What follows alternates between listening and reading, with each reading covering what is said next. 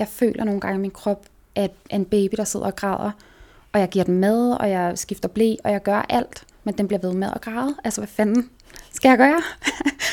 øhm, og det viste sig jo så, at den skulle have en god gang kemo og stråling og alt muligt rigtig skræbt for at være tilfreds. Du lytter til spejlet. Tusind portrætter. En generation. Jeg hedder Sara Fondo.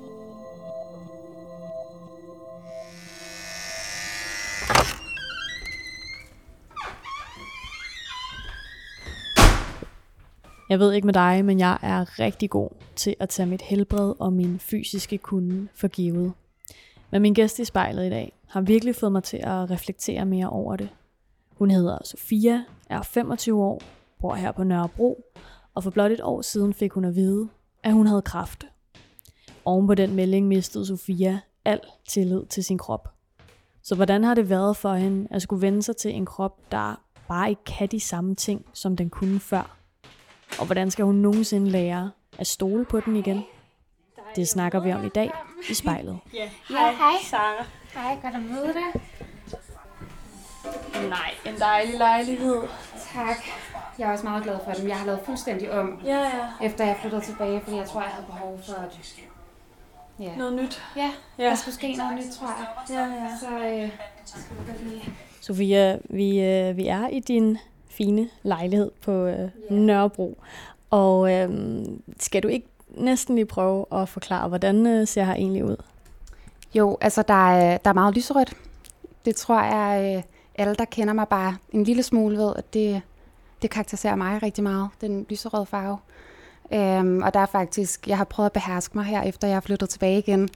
Øhm, men der er stadigvæk, der er godt knald på den lyserøde farve. Øhm, og ja, jeg har faktisk, som jeg også sagde, ændret lidt øhm, her, efter jeg kommer tilbage. Jeg har boet hjemme hos min mor, mens jeg var i behandling. Øhm, så der skulle ske noget nyt. Øh, man kan også se, der hænger lidt dyre tasker, øh, fordi jeg har, jeg har forkælet mig selv en masse øh, her på det sidste. Øh, ja, hvad der ellers at fortælle? Det tror jeg egentlig umiddelbart er det. Så hvordan var det at komme tilbage? Altså, hvad var det i dig, der var sådan, der skal skulle ske et eller andet her? Øhm, jeg tror i høj grad, det handlede om, at, øh, at min lejlighed i næsten et år blev sådan lidt et øh, tilflugtssted, øh, hvor jeg næsten isolerede mig, fordi jeg var så træt. Og jeg vidste egentlig ikke rigtig hvorfor, men jeg lå bare i min seng og havde det ikke særlig godt. Øhm, og det ville jeg helst ikke forbinde den her dejlige lejlighed med. Øhm, og det var jeg bange for, at jeg ville komme til, hvis der ikke skete noget nyt, hvis den bare så ud, som den altid har gjort. Så, øh, så tingene er blevet rykket lidt rundt. Min sofa er blevet rykket, og ja, det er der måske noget symbolsk i, det ved jeg ikke. Jeg hedder Sofia, jeg er 25 år, og jeg har været igennem et kraftforløb.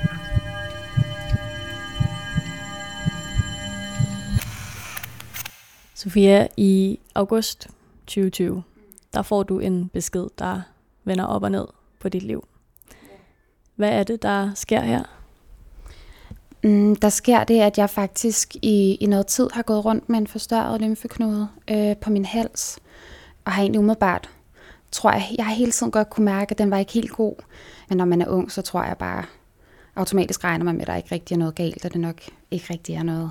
Øhm, så øh, men jeg ringer til min læge, og øh, der er corona, så det bliver en videokonsultation, og det her er jo så selvfølgelig ikke i august, det er lidt øh, tid tilbage.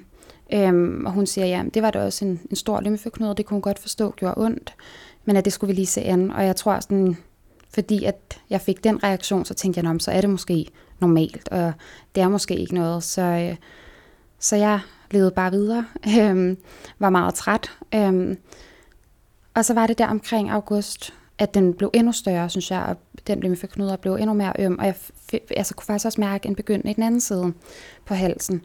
Og der lå jeg net og vendede og drejede og tænkte bare, det kan jeg simpelthen ikke det her. Og ringede ind akut til min privatpraktiserende læge og insisterede på, nu skulle jeg bare ind. Øhm, og så blev jeg øh, henvist til ultralydsscanning, og så, ja, så gik det bare løs derfra, fordi til den ultralydsscanning fik jeg at vide, at, at der var rigtig store, altså de var meget forstørret, mine lymfeknuder, og det var på begge sider, og det skulle, jeg tror det blev formuleret sådan, at det skulle jeg tage seriøst så er det jo heldigvis indrettet på den måde, så helt automatisk, så kommer man ind i sådan en kraftpakke. Så, øh, så jeg kom til Bispebjerg og fik så mange undersøgelser, og de kunne så ret hurtigt sige, at det var lymfekræft. Og det, der var så sjovt, det var, at øhm, jeg blev selvfølgelig ekstremt bange, øhm, og fik også 100% et angstanfald. Men jeg fik at vide, næsten uanset hvilken slags lymfekræft det var, at prognoserne plejede at være gode. Og lige pludselig blev jeg faktisk også en lille smule lettet, fordi jeg netop havde gået rundt og været så træt. Øhm, og havde været lidt hård mod mig selv, fordi at, hvorfor var jeg så træt, og nu skal du bare tage dig sammen, Sofie. Og så lige pludselig så gav tingene ligesom mening. Ja, så kom jeg videre til Rigshospitalet. Og så sker der jo alt muligt med biopsier og operationer og blodprøver og det ene og det andet og det tredje. Ja, så. Og jeg ved, at dit forhold til din krop ændrer sig ret meget under det her forløb. Hvordan det? Mm, allerede forløbet op til har mit forhold til min krop ændret sig i den forstand, at jeg netop er så træt. Øhm, og for brystet har jeg sådan en rumopfyldende fornemmelse i lang tid, og kan også mærke, at min kondition er ekstremt dårlig. Det forstod jeg heller ikke. Så allerede der tænkte jeg, der er et eller andet med min krop. Ikke? Så er det jo klart, at, øh, at i det, jeg får stillet den diagnose, så, øh, så ender det sig yderligere, eller ændrer det sig yderligere, ikke? Så, øh, så kan jeg jo knap nok rigtig kende min krop mere, fordi at den er så øh, på en eller anden måde svækket, den er så hæmmet, øh, er øm over det hele og gør ondt over det hele, og det har jeg jo ikke været vant til førhen. Øhm, også fordi jeg er øh, tidligere elite sportsudøver og har danset på eliteplan i rigtig mange år. Så den ømhed, jeg har kendt, det har jo mere været sådan, af, jeg har været til konkurrence her over weekenden. Jeg kan godt mærke, at, at jeg har danset meget, men det var jo en helt anden ømhed lige pludselig, ikke? som kom sådan helt indefra, øhm, hvis det giver mening. Øhm, særligt der for brystet, hvor der også sad 3-4 øh, tumorer. Øhm, det var simpelthen helt inde i kroppen, ikke? hvor det nærmest ja, bare gjorde ondt. Jeg prøver at genvende tilliden til min krop. Jeg hedder Sofia.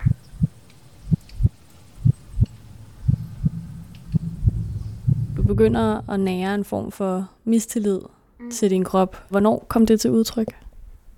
Grunden tror jeg, at det har været helt fra, at jeg begyndt, at mine celler har begyndt at dele sig mærkeligt. Øhm, at jeg ligesom har kunne mærke, at der var et eller andet.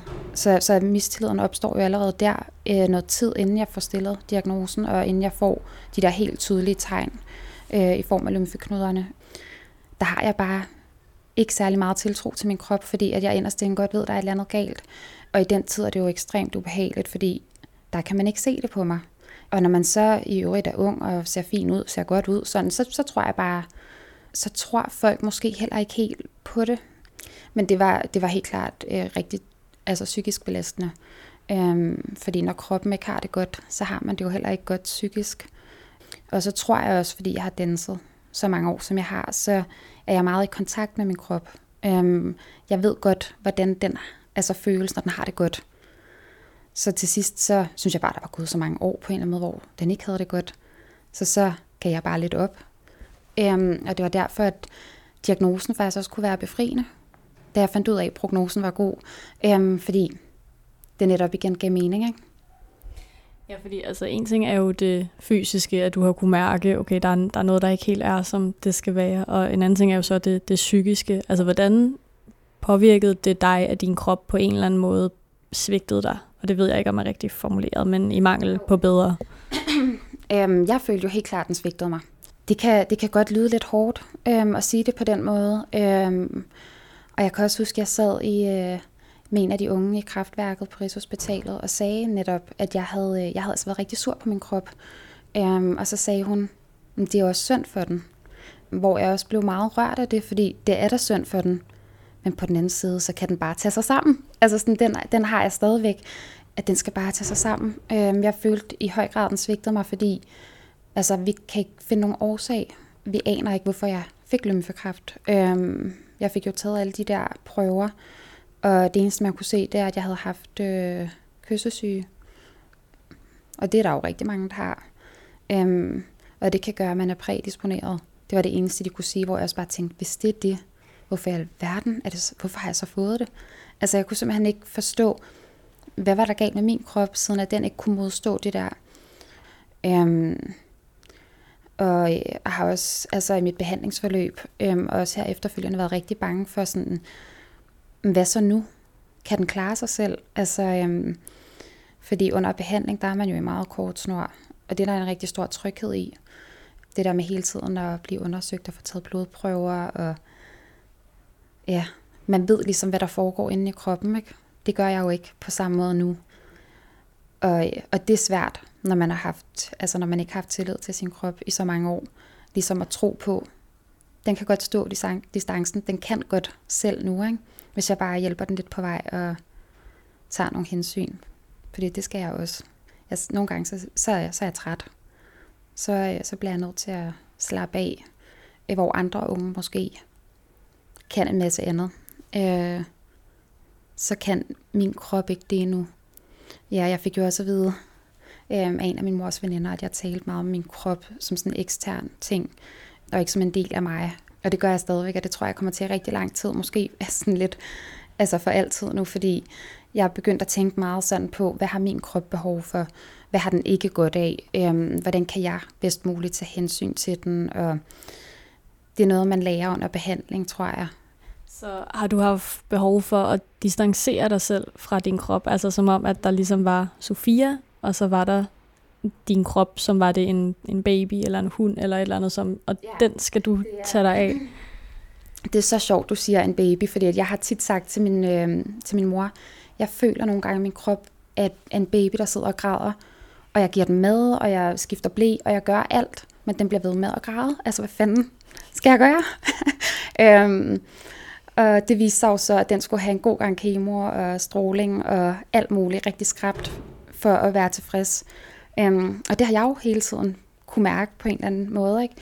Øhm, så der var øh, altså lang tid, hvor jeg blev sådan rigtig provokeret, når folk sagde sådan, mm, har du prøvet mindfulness?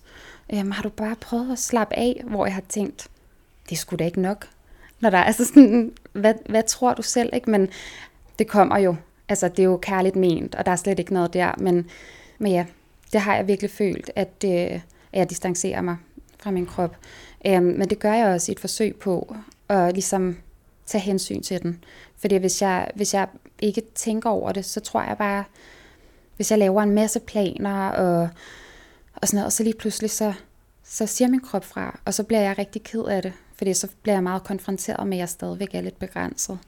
Så jeg har bare fundet ud af, at det er bedre faktisk for mig lige nu, der hvor jeg er i processen, at tale lidt om min krop som noget eksternt, noget jeg ligesom skal ja, forholde mig til. Jeg skal huske at sørge for, at min krop får taget blodprøver, at den får de vitaminer og mineraler og ting, altså jeg den skal have. Selvom mit spejlbillede har ændret sig en smule, så er jeg stadigvæk Sofia. Hvordan har dit sådan helt almindelige hverdagsliv ændret sig? Altså med, med de begrænsninger, du nu oplever, din krop sætter for dig? Altså nu, øhm, men altså, øh, jeg vil sige, under behandling tænkte jeg jo ikke så meget under det, øh, over det, for der var jeg i behandling. Der gav det god mening, jeg var, var lidt begrænset og træt. Og så var der corona og nedlukning, øh, hvor nu, når samfundet så småt snart begyndte at lukke, eller åbne op, og mine jævnaldrende, mine veninder, sådan, de begynder at feste lidt, og har en masse bolde i luften, synes jeg, så, så kan jeg godt føle, sådan, at jeg endnu mere bliver konfronteret med, der er jeg ikke helt endnu. Øhm, hvis jeg skal ses med mine veninder til brunch, så ved jeg godt, at øhm, ikke at jeg ikke kan mere på den dag, så, men, men jeg skal ikke lægge for mange planer, hvor det er bare en af de ting, de skal i løbet af hele den her lange dag, hvor der bliver jeg nødt til og sige, at jeg kan tage til den brunch, og så kan jeg xx mere, og så kan jeg ikke. Altså så ved jeg, at så kan jeg ikke mere. Øhm, selv hvis jeg føler, at jeg kan mere, fordi så bider det mig i røven øh, et par dage efter, så lige pludselig, så har jeg kommet til at overbooke min kalender, og jeg er kommet til at overbelaste. Så på den måde har det ændret min hverdag, at jeg, jeg simpelthen bliver nødt til at stadigvæk at tage lidt hensyn. Og så arbejder jeg på at, øh, at mærke efter, hvad er det, jeg skal gøre lige nu, for jeg har det godt i min krop. Øhm, og så når jeg så har gjort det og taget de hensyn, så prøver jeg også at slukke for den der stikkontakt, og, og ikke tænke alt for meget over det, fordi så skal man jo også ud og have det sjovt. Ikke? Jeg er jo 25 år, så nu skal jeg ligesom jeg skal jo tilbage på en eller anden måde. Ikke? Man siger jo sådan lidt klichéagtigt det der med at vende tilbage til livet efter et cancerforløb, som også nogle gange kan være sådan lidt, ja, jeg ved ikke, om det er en irriterende, et irriterende udtryk, men det er lidt sjovt, men det, øhm, men det er rigtigt nok, og man mærker det i mange kontekster. Også øhm, her efterfølgende, når jeg har været til, til fester, der er jeg også blevet, altså, jeg tænker meget mere over sådan, ej, der er mange, der ryger her, og jeg vil ikke udsættes for passiv rygning. Jeg har jo også stadigvæk, fordi jeg er blevet bestrålet på halsen, så skal der ikke særlig meget til, for at jeg bliver, får det ubehageligt øh, i halsen. Øhm, så, så bare den mindste smule røg, det er, sådan, det er virkelig ubehageligt. Det kan jo godt være lidt svært som ung til fester og sådan, ikke? Det er der jo meget af. Øhm, og jeg er også meget mere sådan, ej, jeg vil gerne drikke lidt alkohol, og altså sådan have det lidt sjovt, men på den anden side, jeg vil også passe på mine lever. Altså sådan noget, har, sådan noget tænker man jo ikke ellers over, tror jeg, men det gør jeg bare, fordi jeg ved, hvor meget min krop har været udsat for. Jeg tog jo, da jeg fik intensiveret kemo, der tog jeg sådan 30 piller om dagen, og meget af det skal jo ligesom bearbejdes i lever og nyre og sådan. Så jeg føler bare, at det er så vigtigt nu at passe, passe på den. Igen den. Men ja, men det er sådan, jeg har det. Øhm, så jeg kan også mærke det til, til fester. Og jeg tror også i høj grad, nu skal jeg i gang med at studere igen, og har været sygemeldt. Øhm, og det bliver også, altså jeg skal skrive speciale, det bliver også en hård proces, tror jeg, fordi det er jo altså virkelig fire måneder til at skrive en meget stor opgave. Ikke?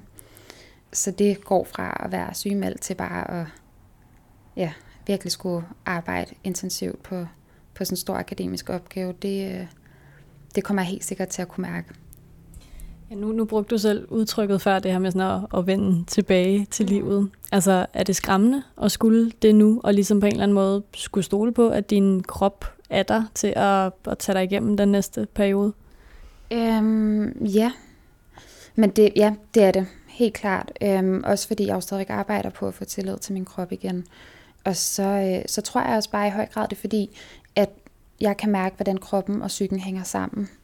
Øhm, så det jeg jo øh, kan være bekymret for, det er, hvordan påvirker det mig psykisk i løbet af min hverdag, hvis jeg bliver ja, bekymret, fordi jeg lige bliver øm et sted, eller hvis jeg bliver ked af det over, at jeg er træt en dag, ikke? Øhm, og ikke kan det samme, som de andre unge helt kan endnu.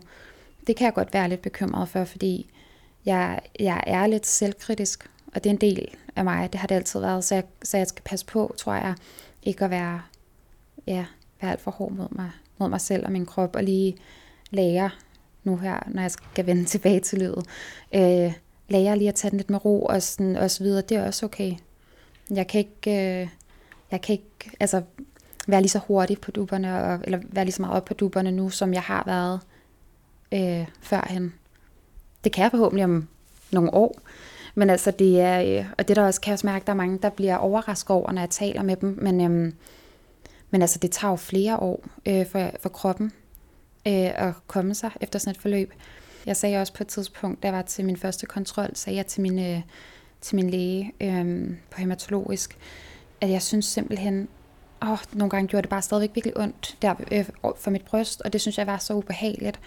Og psykisk, altså mest psykisk faktisk, fordi så får man jo negative associationer, ikke? og bliver bange for, gud, er der nu noget? Øhm, og så sagde han også bare, det er jo klart, Sofia, du har haft altså en kæmpe tumor siddende derinde. Hvor jeg også bare tænkte, det var alligevel også en voldsom måde at, at sige det på, men det hjalp mig rigtig meget, fordi det er det der med at have, have nogle vendinger og nogle sætninger, man kan sige til sig selv, fordi at, så bliver du lige pludselig helt logisk og helt rationel. Sådan, selvfølgelig gør det ondt. Um, det gør ikke kun ondt, når man er syg og i behandling, det gør også ondt efter. Og det gør ondt inden. Både fysisk og psykisk. Ja. Så hvad tror du ultimativt, at der skal til, før at du kan komme til at stole på din krop igen? Jeg tror bare, der skal gå noget tid. Jeg tror, øh, altså helt naturligt, øh, jo længere tid der går, så får man mere energi. Det kan jeg også mærke, jeg har fået trods alt. Selvom jeg stadigvæk kan være træt, så har jeg fået meget mere energi. Og er begyndt lidt på noget genoptræning, og har fået meget af min smidighed tilbage, som også er meget vigtigt for mig. Øh, det fik jeg også at vide under behandling, at jeg skulle huske at strække ud, også efterfølgende, for ellers kunne man blive sådan helt, øh, nærmest lidende kunne blive sådan helt forkortet på noget. Øhm, så, så det skal jeg bare blive ved med. Øhm, og ligesom, ja, også husk på, øh, det jeg var rigtig god til det under behandling. Der synes jeg bare, at min krop var så sej, og jeg var så sej faktisk. Men, men jeg tror, jeg skal huske på, at, at øh, jeg kan faktisk kapere meget, og det kan min krop også. Øhm, så det er bare det at huske på det. Og det er jo ikke bare, det er jo en rigtig svær ting. Men jeg tror, det er det, der ligesom er vejen frem. Øhm, fordi da jeg var yngre, der tror jeg, der tænkte jeg bare, der, altså, min krop, den, den kan altid, altså, det er altid lige som, som det skal være. Ikke? Der er ikke øh, nogen udfordringer der. Øhm, og sådan tænker jeg jo ikke mere. Det tror jeg heller ikke, jeg kommer til at tænke igen. Så det bliver lidt at finde en gylden middelvej, hvor, hvor jeg stoler mere på min krop, men også altså, accepterer lidt. Det er klart, at, at det hele ser lidt anderledes ud efter sådan et forløb, og også i takt med, at man bliver ældre. Øhm, start, jeg starter med accept, og så bagefter så, så arbejder jeg videre derfra, for det vil jo være, det ultimative vil jo være at, at elske sin krop, ikke? Det vil jo være det, det allerbedste. Men det, det tror jeg også, altså det, det tager lige noget tid, og det har jeg det også helt okay med. Hvis du eller en du kender skal være med i spejlet, så skriv til os på Instagram.